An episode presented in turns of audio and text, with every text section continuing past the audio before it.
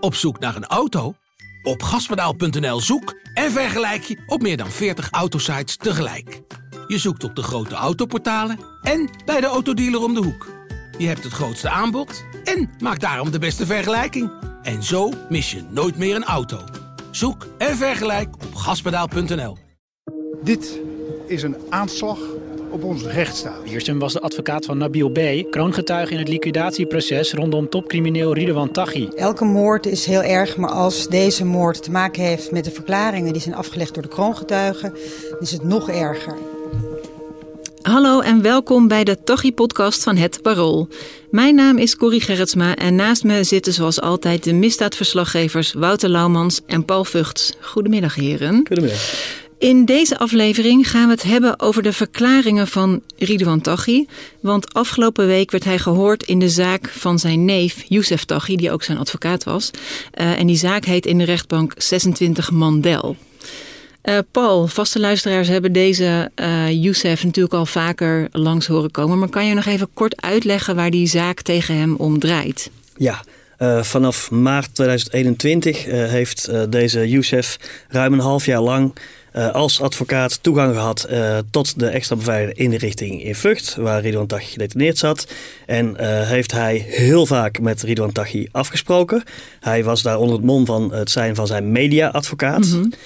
en tijdens die vele afspraken is de verdenking hebben zij niet zozeer advocatenzaken uh, besproken, maar hebben zij allerlei criminaliteit uh, besproken die voortgezet zou moeten worden buiten. Dus de verdenking is dat Ridwan Taghi via zijn neef, die ook advocaat is, Youssef Taghi, allerlei opdrachten naar buiten heeft uh, doorgespeeld en informatie naar buiten heeft uh, doorgespeeld en informatie weer terug naar binnen heeft gekregen.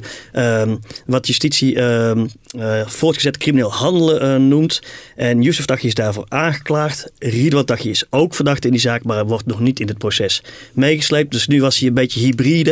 Zowel, hij is zowel verdachte formeel, maar hij was vooral als getuige uh, om zaken te bespreken uh, en vragen te beantwoorden uh, die voor Youssef Taghi van belang zijn. Ja, en Wouter, jij was bij de zaak. Mm -hmm. Hoe was dat? Was Taghi aan het woord? Want hij heeft eerder nog niet veel gezegd in de rechtbank. Nou, het was, een, het was druk ook in de bunker. Er waren, was veel, waren veel collega's op afgekomen. En, uh, en ja, hij kwam binnen, uh, een baard met... met uh, en toen gingen de, de rolluiken ook weer dicht. En toen werd er gelijk weer een beetje gedaan alsof er iets gigantisch geks gebeurde. Maar hij, hij zat op zijn praatstoel eigenlijk voor het eerst sinds lange tijd. Ik bedoel, Paul en ik hebben in het verleden natuurlijk ook in Marengo-proces wel in de clinch horen gaan met, mm -hmm. met de kroongetuigen en dienstadvocaten. Maar nu, nu, werd hij dus gehoord als... Uh, of met de rechters. Ja, nu werd hij gehoord als, als getuige. En hij, hij, hij, ging, hij ging ook echt uh, wel wat het een en ander vertellen. Hij had een verklaring afgelegd eerder, een schriftelijke verklaring van tien pagina's.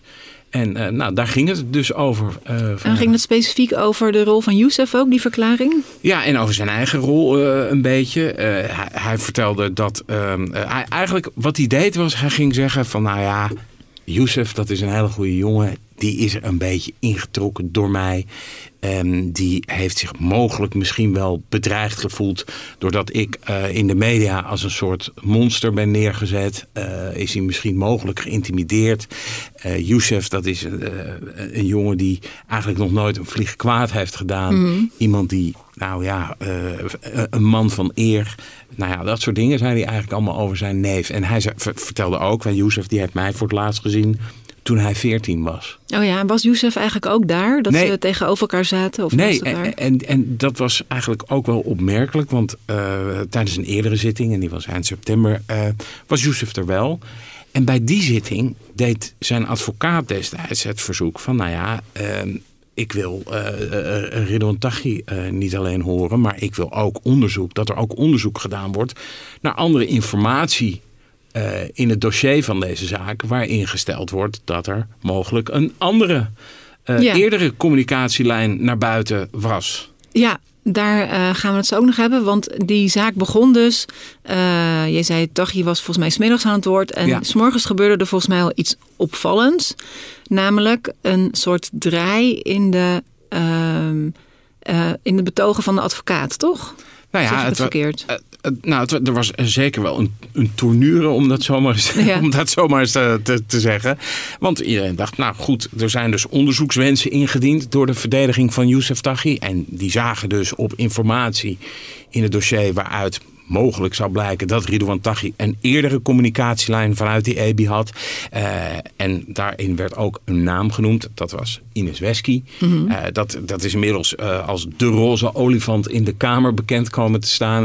De kwestie Wesky hebben wij het ook wel genoemd. Ja, en dat is natuurlijk de, de advocaat van Taghi, Ridouan Taghi. Ja, er zou dus informatie, of er staat inf- informatie in het dossier waaruit je kunt afleiden dat de recherche eh, en het Openbaar Ministerie denken dat er via USB-sticks informatie de EBI in is gegaan en de EBI weer uit is gegaan. En dat dit gebeurd is voordat Youssef Taghi überhaupt de advocaat Precies, was. dus van dat onderzoek was eigenlijk ingesteld om te laten zien van... hé, hey, jullie moeten niet alleen Youssef Taghi hebben... maar misschien was er eerder al wat. Of, eh, Ja, dat is mogelijk ontlastend bewijs Dus voor als voor Youssef fout is geweest, is hij in elk geval niet, is er eentje fout geweest. Dat is Ja. dan de gedachte. ja. Dat zou later in een eventuele straf kunnen doorwerken. Verder heb je er niet zo vreselijk veel aan, daar hebben we hier eerder wel over gehad. Maar, maar dat zou een belang kunnen zijn. Ja. Ja, en Ines Wesky reageert eh, op, die, op, die, nou, op dat soort informatie. En natuurlijk als, een, een, als door een wesp gestoken. Zij zegt, daar klopt helemaal niks van. Mhm. Ehm, maar ja, die, die, die kwestie die blijft eigenlijk toch wel boven de markt hangen de Ja. hele tijd. Het, is, het Openbaar Ministerie stopt die informatie in een dossier. En vervolgens gebeurt er eigenlijk niks. Ze gooit een beetje in de lucht, eh, het OM, dat doen ze vaker. En eh, dat is storend, denk ik. En dan krijg je, dat hebben ze eerder in andere zaken ook gedaan. Ze gooien van allerlei informatie in de lucht over bijvoorbeeld advocaten.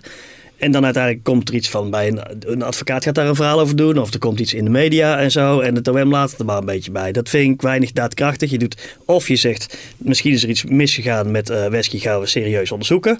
Of je houdt je mond. En nu zit het er een beetje half-half erbij. Omdat ze het ook niet kunnen weglaten. Want het is voor de compleetheid van het beeld, weet je wel. Maar het OM blijft er dan zelf een beetje af. En laat dan de bal het werk doen, zeg maar. En dat, dat ziet er soms lelijk uit. Het, dat OM doet inderdaad, en die maken ook een tournure. Dus die maken ook een draai. Wat, wat die in eerste aanleg zeggen is van, nou, we hebben geen nader onderzoek naar die bevindingen Ja. gedaan. Hè. Dat, dat hebben we gewoon, ja, dat is een soort ter kennisgeving aangenomen. Mhm. En op een latere zitting zeggen ze dan, eens, ja, we hebben het voorgelegd aan de rechercheofficier.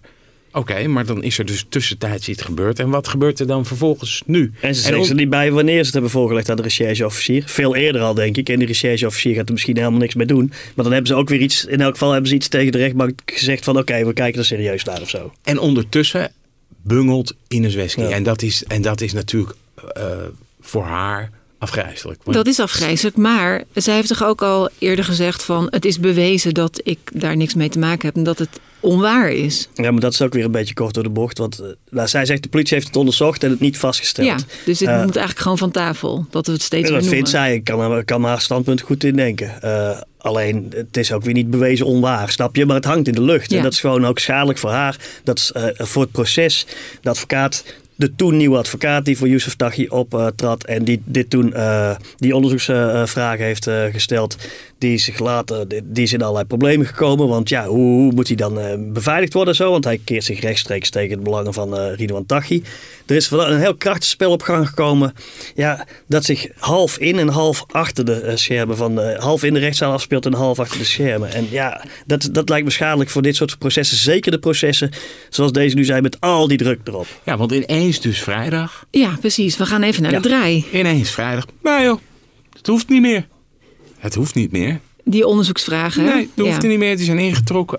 En iedereen zit dan dus te denken van wat is hier dan? Wat is dit voor tactische zet? Nou ja, wat speelt zich... En, en niemand weet het. Eh, Tenminste, op de perstribune. Wij weten het niet. Wat is, wat is er dan aan de hand? Maar worden op dat moment er ook veel vragen over gesteld aan die... Of zeggen ze gewoon het hoeft niet en dat is dat. nee, die dan worden is het een ingetrokken. Nou, dat is dan gewoon maar van akte. Einde van de En ochtendzitting. het- je kan daar niet ook als eh, iemand van het OM gewoon dan vragen stellen... maar waarom dan en waarom wil je het eerst wel? Nou ja, eh, eh, wij niet, want wij zitten sowieso achter glas. Wij, Nee, wij maar van iemand het die pers, daar, van de eh, pers.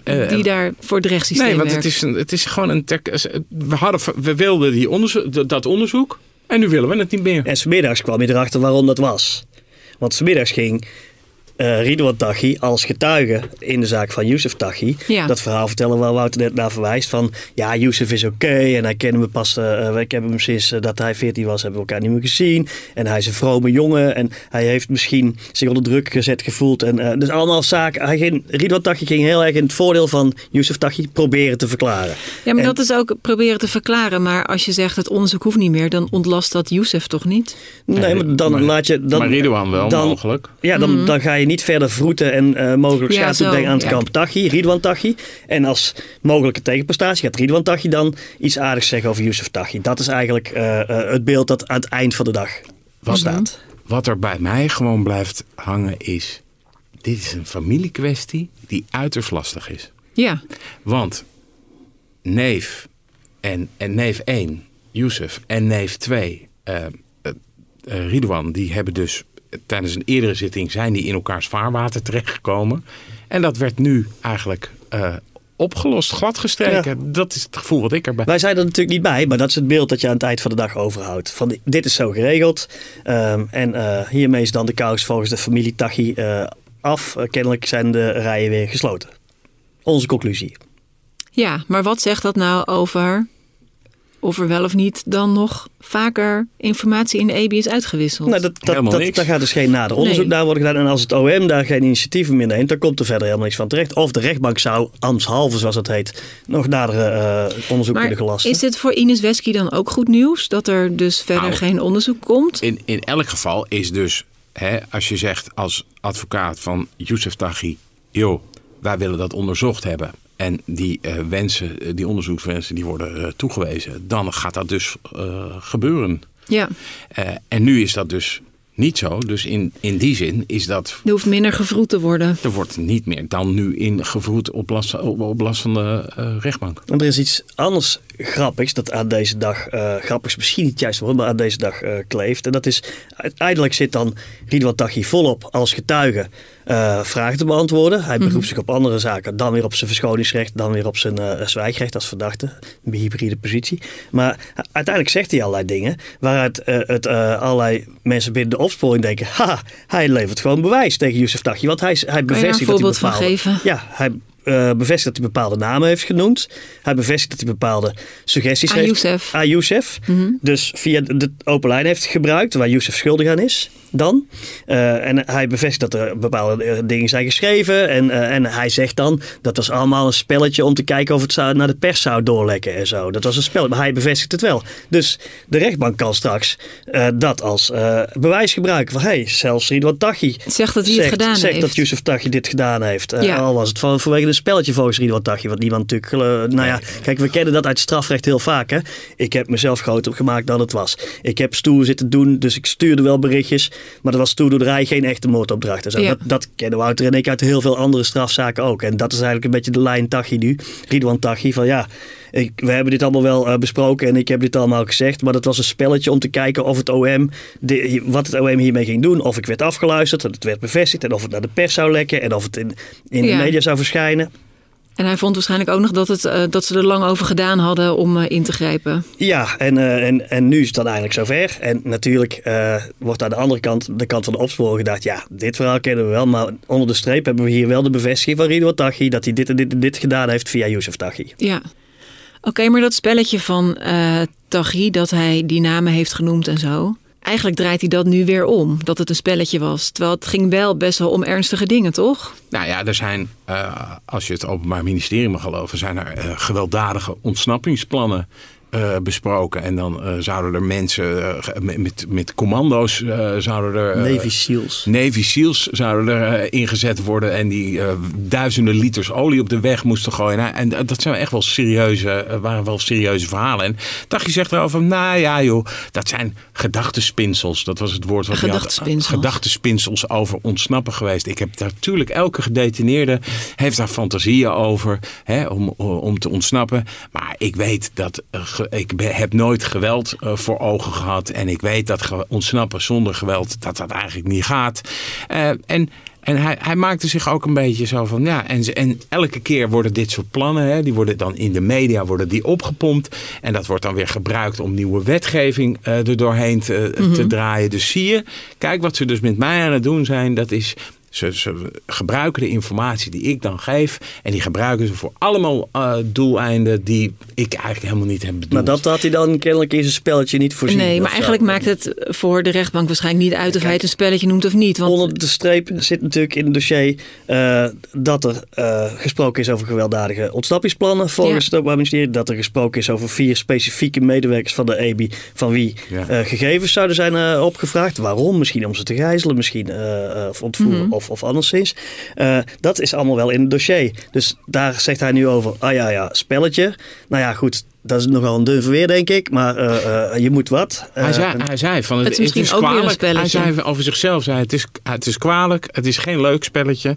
En toen zei dus, toen zei dus de, de voorzitter van de rechtbank. Die zei, ja maar meneer Taghi, kunt u zich voorstellen dat mensen heel erg bang geworden zijn. Hè? Als jij mm -hmm. een van die EBI-medewerkers bent die, die daar uh, over de tong is gegaan, dan kan ik me voorstellen dat je echt wel, uh, nou, even, uh, even een nieuwe deodorant moet opspuiten als je dat hoort, weet je wel. Maar, en, en dus, daar zegt dacht je dan over, nou, dat betwijfel ik. En aan ja, dan moeten kant, we het niet zo serieus nemen. Nee, zeker. dus en aan de ene kant zegt hij van ja, ik word in de media als als een soort monster afgeschilderd. Hij zei van ja, als ik over mezelf lees uh, in de pers, dan zou ik ook bang worden van mezelf. Mm-hmm. En aan de andere kant was het toch ook een soort, ja, de hele tijd een soort downplayen van ja joh, dat is een test geweest en, en je moet dat allemaal, moet je niet zo zwaar aan tillen. Oh ja, hij riep ook nog iets over uh, wat zijn stem mocht wel of niet worden opgenomen. Dat is dan een vraag aan het begin van uh, mm-hmm. de zitting. En daarvan zei hij, nou ja, alles wordt zo opgeblazen. Laten we mijn stem maar niet opnemen, want anders wordt er straks weer een liedje van gemaakt of zo. En dan, uh, dan, ja, was, komt dat... Ik, ik vond hem bij, bij Tijd en Weilen ook echt wel uh, cynisch. En, en soms moest ik ook wel even grinniken. Dat zeg ik. Dat is, dan zit je met z'n allen zit je in, die, in die bunker. En ja. dan zegt hij opeens. En dat ging, het is in die gesprekken bijvoorbeeld ook gegaan over zijn financiën. Weet je wel? En dan, uh, hij zou een ijsfabriek hebben in België. En toen zei hij, en dat vond ik ergens ook wel, dat zag ik ook wel bij collega's die even moesten uh, glimlachen. Van ja, dan laat mij dan, heb ik, dus ik heb een ijsfabriek. Nou, dan wil ik wel eens even weten waar die staat. Want dan ga ik hem claimen. Weet ja. je wel? En, dan, en, dus, en zo, ja, zo, zo ging dat verhoor. Want zo'n verhoor, dat duurt natuurlijk wel even. Mm-hmm. En op een gegeven moment, ja, dan, je, je, krijgt, je kreeg wel weer toch weer een beetje een beter beeld van... Van wie, hemzelf. Van wie, wie is hij? Ik vond hem uh, intelligent. Mm-hmm. En ik vond hem scherp. Uh, en ik vond hem uh, bij uh, Tijd en Weilen nijdig. En dat was met name richting OM en media. Was hij af en toe echt nijdig. Maar ik, ik vond hem, hij, hij, hij kwam wel over als een man die wel wist wat hij deed. Op maar heb je dan het idee over die namen, ja? hè, dat hij toch die soort bevestiging heeft gegeven van dat, dat hij inderdaad die berichten heeft doorgespeeld. Mm-hmm. Heb je dan het idee dat hij zich eigenlijk versproken heeft? Of is het ook helemaal soort vastgelegd met zijn uh, iemand die hem bijstaat van je kan dit en dit wel vertellen? Ik denk wel dat hij een man is die wel continu weet wat hij zegt. Ja. Alleen hij moet zich aan het eind van de dag afvragen wie die nu in dienst heeft bewezen en of dat zo is. Ja. Nou, dat vind ik een mooie conclusie voor uh, dit eerste deel van onze podcast. Straks gaan we nog verder met uh, de rechtszaak over uh, de moord op Peter R. de Vries. Maar eerst even, Paul en Wouter. jullie schrijven natuurlijk over veel meer onderwerpen voor het parool. En afgelopen week, afgelopen zaterdag, ging dat over de gewelddadige beroving op Schöne Edelmetaal in Noord. En ik denk dat veel mensen die het pro lezen dat zeker nog weten, want het was een opvallende zaak. En hoe erg volgen jullie die zaak en waarom speelt die nu? Uh, die zaak speelt nu tegen de eerste verdachte daarvan. Dus je had eerst die zeer gewelddadige overval op uh, uh, het waardetransport dat gearriveerd was bij Schöne Edelmetaal. 14,5 miljoen aan edelmetaal meegenomen. Mm-hmm. vervolgens die, die vlucht van de, de daders en, en de achtervolging. Met, er is veel geschoten bij Schöne Edelmetaal voor de deur. Er is Meeuwlaan was dat, hè? Meeuwlaan in Amsterdam-Noord. Grof geweld tegen de twee medewerkers van het waardetransport. vervolgens is er die hele wilde achtervolging geweest. Waarbij uh, tijdens het ook volop uit, vanuit de auto's is uh, geschoten. De hamvraag is: is er gericht op de politie geschoten? Of schoten ze maar in de lucht om de politie een beetje weg te houden? Het OM zegt het eerste, de verdachte zegt het tweede. Vervolgens is het allemaal gestrand in Broek en Waterland. Ja. Uh, hebben ze auto's in de fik gestoken en de vracht overgeladen. En toen zijn ze, hebben ze zich vastgereden en hebben we die roemruchte uh, uh, achtervolging door het weiland. Ja, die agenten, beelden die iedereen ja, uit de helikopter zijn genomen, denk ik. Zowel uit de helikopter als van, van beneden zijn er, zijn er beelden. En dan zie je uh, verdachten door het weiland uh, lopen, schieten de agenten erachter. Er is uh, Osiris Diawara, de, eigenlijk de hoofdverdachte, het vermeende brein achter de hele overval, is doodgeschoten. Er is een kogel die hem, ondanks het dragen van de kogel weer het vest heeft, fataal heeft getroffen. Mm-hmm. Ook een andere verdachte is zowel door kogels geraakt als door een hond gebeten. Heel naar. maar goed, dat is dan wel een risico dat hij heeft genomen, denk ik. Daden hebben consequenties natuurlijk. Ja, en, maar goed, dat kent iedereen dus nog. En nu heb je tegen de eerste acht verdachten uh, een proces waarvoor 13 dagen zijn uh, uitgetrokken. En dat is deze week begonnen. Ja. En uh, er komt een tweede deel van dat proces tegen verdachten die nu nog voor een deel voortvluchtig zijn. En er is nog 4,2 miljoen euro aan edelmetaal kwijt. Kwijt, spannende zaak. Ja, nee, wij, het is een van de zaken die wij volgen. En kijk, wij hebben onszelf tot doel gesteld om elke zaterdag een groot misdaadverhaal te schrijven voor het Parool. Dus lees die krant, word lid.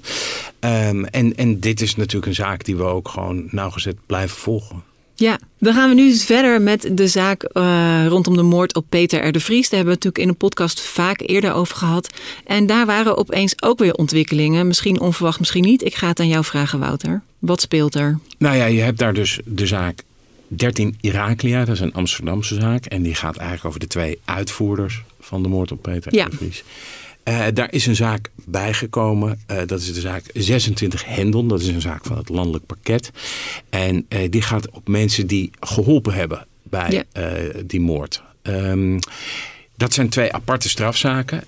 De rechtbank heeft besloten om die twee zaken nu als één te gaan behandelen. Ja, wat op zich wel klinkt als een logische keus, toch? Uh, ja, dat klinkt als een logische keus. Waren het niet dat in de zaak 26 Hendon het onderzoek momenteel nog loopt. Kijk, die, die eerste zaak, uh, die was eigenlijk pan klaar. Die was, ja, die was duidelijk. Nou ja, die was niet alleen die, uh, pan klaar, dat bedoel ik, die was klaar om gewoon uh, om een vonnis te wijzen. Hè. Dat, dat, dat, het was eigenlijk gewoon ja, er, was, er stond eigenlijk niks meer in de weg van jongens, we gaan, we gaan hier een uitspraak over doen. En daar rekenen de nabestaanden van Peter R. de Vries. Ja, was dat eigenlijk ook al een datum voor geprikt waarop dat zou gebeuren? Dat was zo. En uh, eigenlijk ter, ter elfde uren kwam opeens van ja jongens, we hebben uh, nieuwe informatie en die wordt toegevoegd aan dit dossier. En vervolgens komt er een nieuwe strafzaak bij. Uh, en bij de uh, nabestaanden bestond dus toen al de vrees van ja jongens, maar dit wordt een soort gigantisch, dit, wordt, dit, dit gaat overnieuw moeten ja, dus eigenlijk het nadeel is dat het dan gewoon veel langer gaat duren.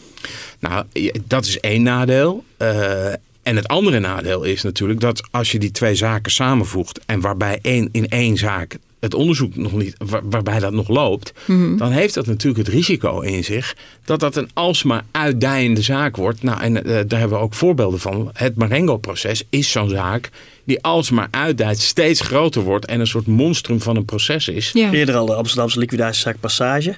En misschien moeten we nog even memoreren. Maar dan klinkt het toch een. Sorry, ga ja, Misschien moeten we nog even memoreren dat uh, in. Uh, die, die zaak tegen de vermoede uitvoerders, de twee, die allebei al levenslang is geëist. Mhm. De uh, familie heeft daar gebruik gemaakt van het spreekrecht en zo. En waar komt het Openbaar Ministerie te 11 uur mee op de proppen? Met een getuige die al heel lang wordt uh, uh, gehoord en waar ze tot dan toe niks tegen hebben, over hebben gezegd. Daar zeggen ze pas wat over, omdat ze in die tweede zaak van het landelijk pakket die getuige willen inzetten tegen die andere verdachten. Die andere verdachten worden van beschuldigd twee, dat ze filmpjes zouden hebben gemaakt van ja. de net neergeschoten Peter en de Vries met het oogmerk terreur, uh, laten zien uh, de, de, maatschappij schokken. En de, de derde verdachte in die zaak is die Pol die aan de andere kant van de uh, Google Pixel telefoons hebben gezeten als aanstuurder. Ja. Dat, die twee zaken. Maar dan zeg je natuurlijk, als je die getuigen hebt, dan zeggen de, natuurlijk de uh, advocaten van de verdachte tegen wie levenslang is geëist, de, uh, de vermoede schutter en de vermoede chauffeur, van hé, hey, die getuige is voor ons ook interessant.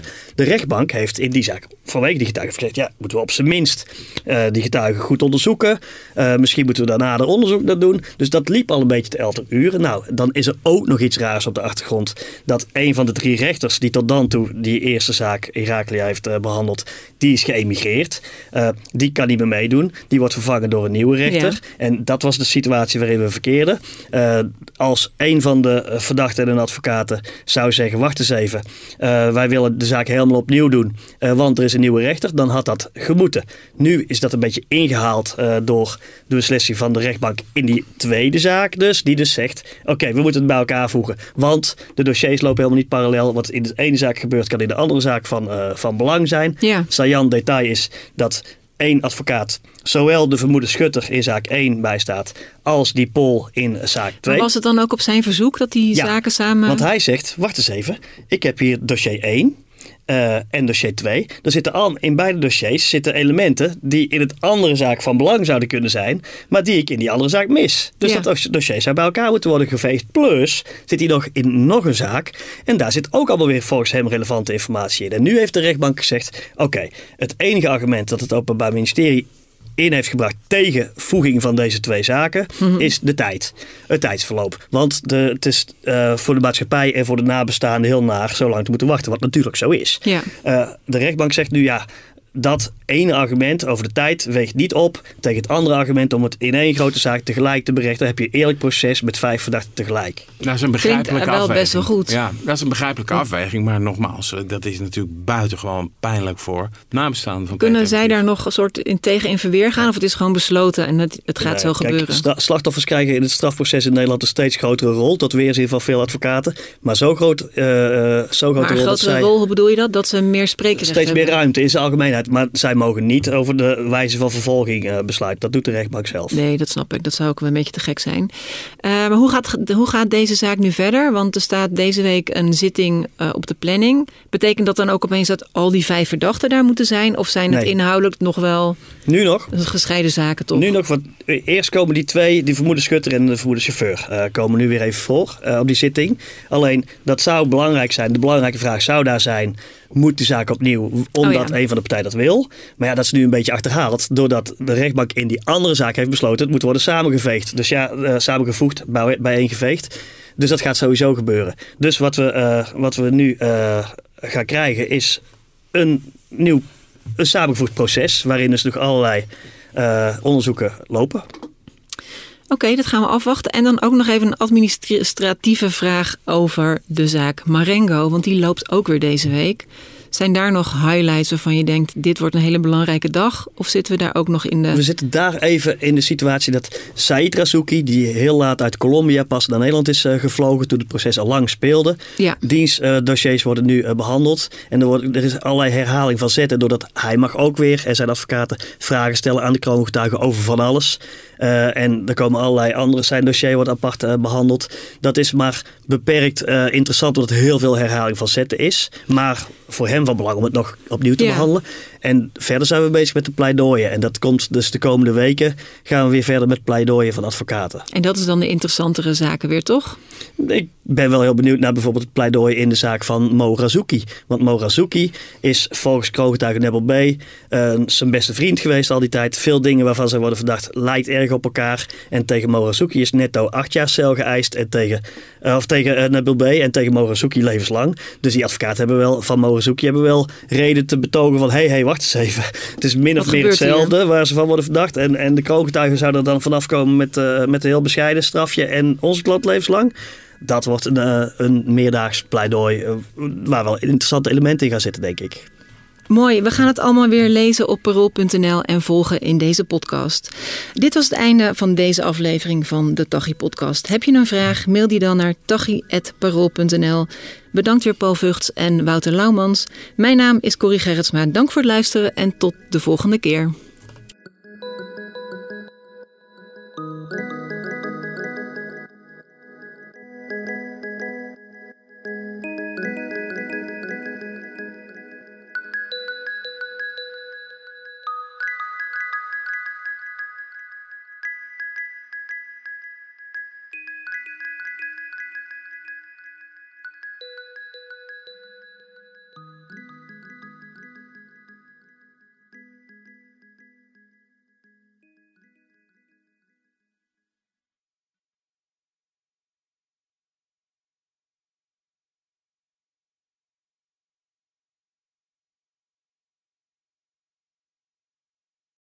We worden dagelijks overladen met overbodige informatie. En het is moeilijk de zin van de onzin te scheiden. Daarom vertrouw ik op echte journalisten in plaats van meningen.